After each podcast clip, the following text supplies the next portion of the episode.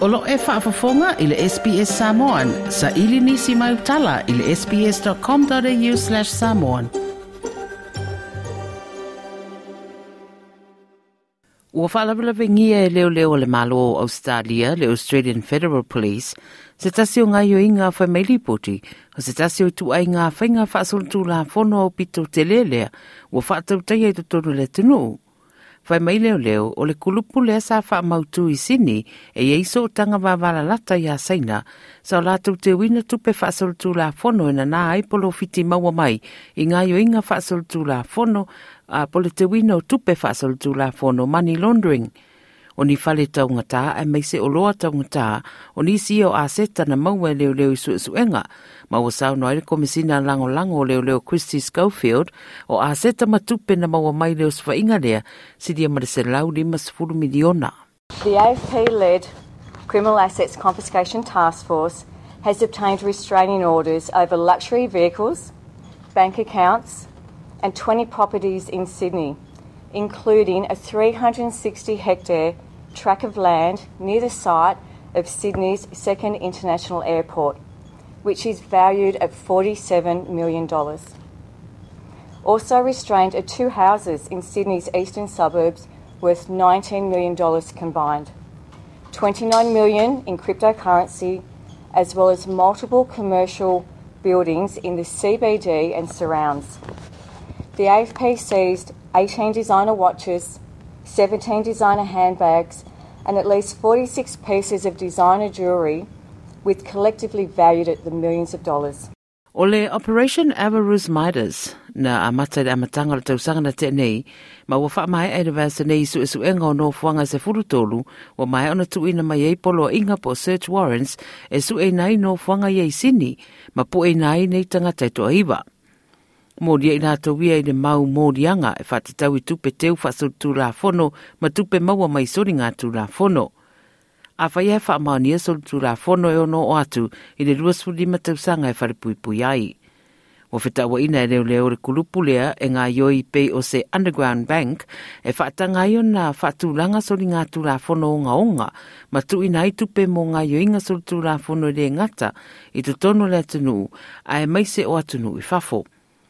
Mai le lipoti o le syndicate lea sa lato ia i solo tupe a nga i tonu a ma le au mai fo i fafo a mai saina ma whale i fo i nisi o tupe i la fono mai le sui o le kulupu ngā nga i te tele industrial scale. Between 2018 and 2022, the money laundering syndicate allegedly earned $150 million in profit from the movement of cash.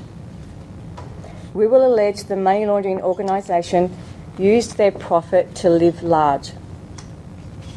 They brought high end jewellery, high end watches, and, and some of these watches cost more than what an individual would earn in a lifetime. Te foi le tūstala Nick McKenzie le mata upele nei Sydney Morning Herald ma newspaper The Age fa mai ai leos fa inga o se manu maloa ia i leo o Australia. It's the most significant organised crime, money laundering investigation, quite possibly in AFP history, certainly in, in recent history, because of the absolute scale of the syndicate dismantled. We're talking an estimated $10 billion it moved offshore. And I think you'll find that the properties seized, $150 million worth, is just the tip of the iceberg. O le mata upule le te wina whasol tu la fono tupe, e tā ua tele le ngata i Australia wha pe fo ia tunu i fafo. O malo o whaatasi rātou te mata wina e i le vāo le lua le 5% o le global GDP o loa maua ma ngau sia tonu le tunu ma au o nanga i tūsanga tasi e leilo loa i whainga nei tu lea po le vāo le valu se rau piriona ma le lua tiriona tala Amerika. I Australia, o lo tau mate le ofisa o malo o fatasi le United Nations Office on Drugs and Crime, o le au whae o sori ngā tūra fono e whai e te tonu rawa i Australia tūsanga taitasi, e i le vāo le se fulu tolu piriona le vanga tupero au fiai ne lua whelua se fulu na lisi na i Amerika e ala le US State Department o Australia o se tasi dea vaenga o yeire popolenga i mata upu tau money laundering tupe teu whasalutu la fono. Sa no Nick McKenzie o lo vaai ai ia Australia o se nofuanga le nei mo le ausalutu la fono e teu na ia la tu tupe parapara e mai se lava mai le atunu o saina. Australia's got a real problem because we are seen as a great in investment destination. Uh, so we are targeted by Chinese organised crime, by uh, others who wish to get their ill-gotten gains out of uh, their countries and into a place like Australia, where it's seen as a great place to invest in, say, real estate. The police are doing a good job, uh, but the AFP at the end of the day is a relatively small organisation when compared to the size of the problem. We're talking about tens and tens of billions of dollars of dirty money flowing. It's been an amazing outcome in respect of uh, this operation Midas by the federal police, but there are other money laundering syndicates just like this operating as we speak. uh, and much more needs to be done to tackle those. Na ia ta ua fōi ana mata upu lea muni nei, ua wha mata mata te tere nisi o awa noa i tonu o lo wha o ngā i lātou ia o kulupu o lātou fuafuaina le lei, sori ngā whono. For many, many years now, experts have been calling for successive federal governments to introduce laws to force real estate agents, accountants, lawyers to face the same obligations as bankers and casinos to report suspected money laundering this would have involved, in this case, those allegedly involved in the syndicate who, involve, who include lawyers and accountants and real estate persons to notify authorities of suspect money transfers, of which, of course, there were, there were many, all face significant penalties. O Dr. Jamie Ferrill, mai le University o Charles Sturt, na ia whaelo o mafuanga tau le soifuanga, ma le tūlanga tau tupe, o le le fufoina o le whaafita o le amatua i whainga tā tele lea o na alufia. If this money laundering is left unaddressed, its consequences are enormously damaging, ultimately for all of us. And apart from providing a way for, for criminals to enjoy the proceeds of their, their crimes and providing an incentive to commit crime, it can undermine the lives of ordinary people and the integrity of business and the viability of an economy and ultimately government and the rule of law.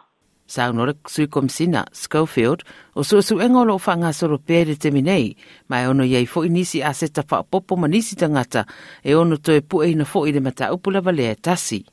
Today I'm sending a warning to organised crime groups involved in money laundering activities. You are on our radar.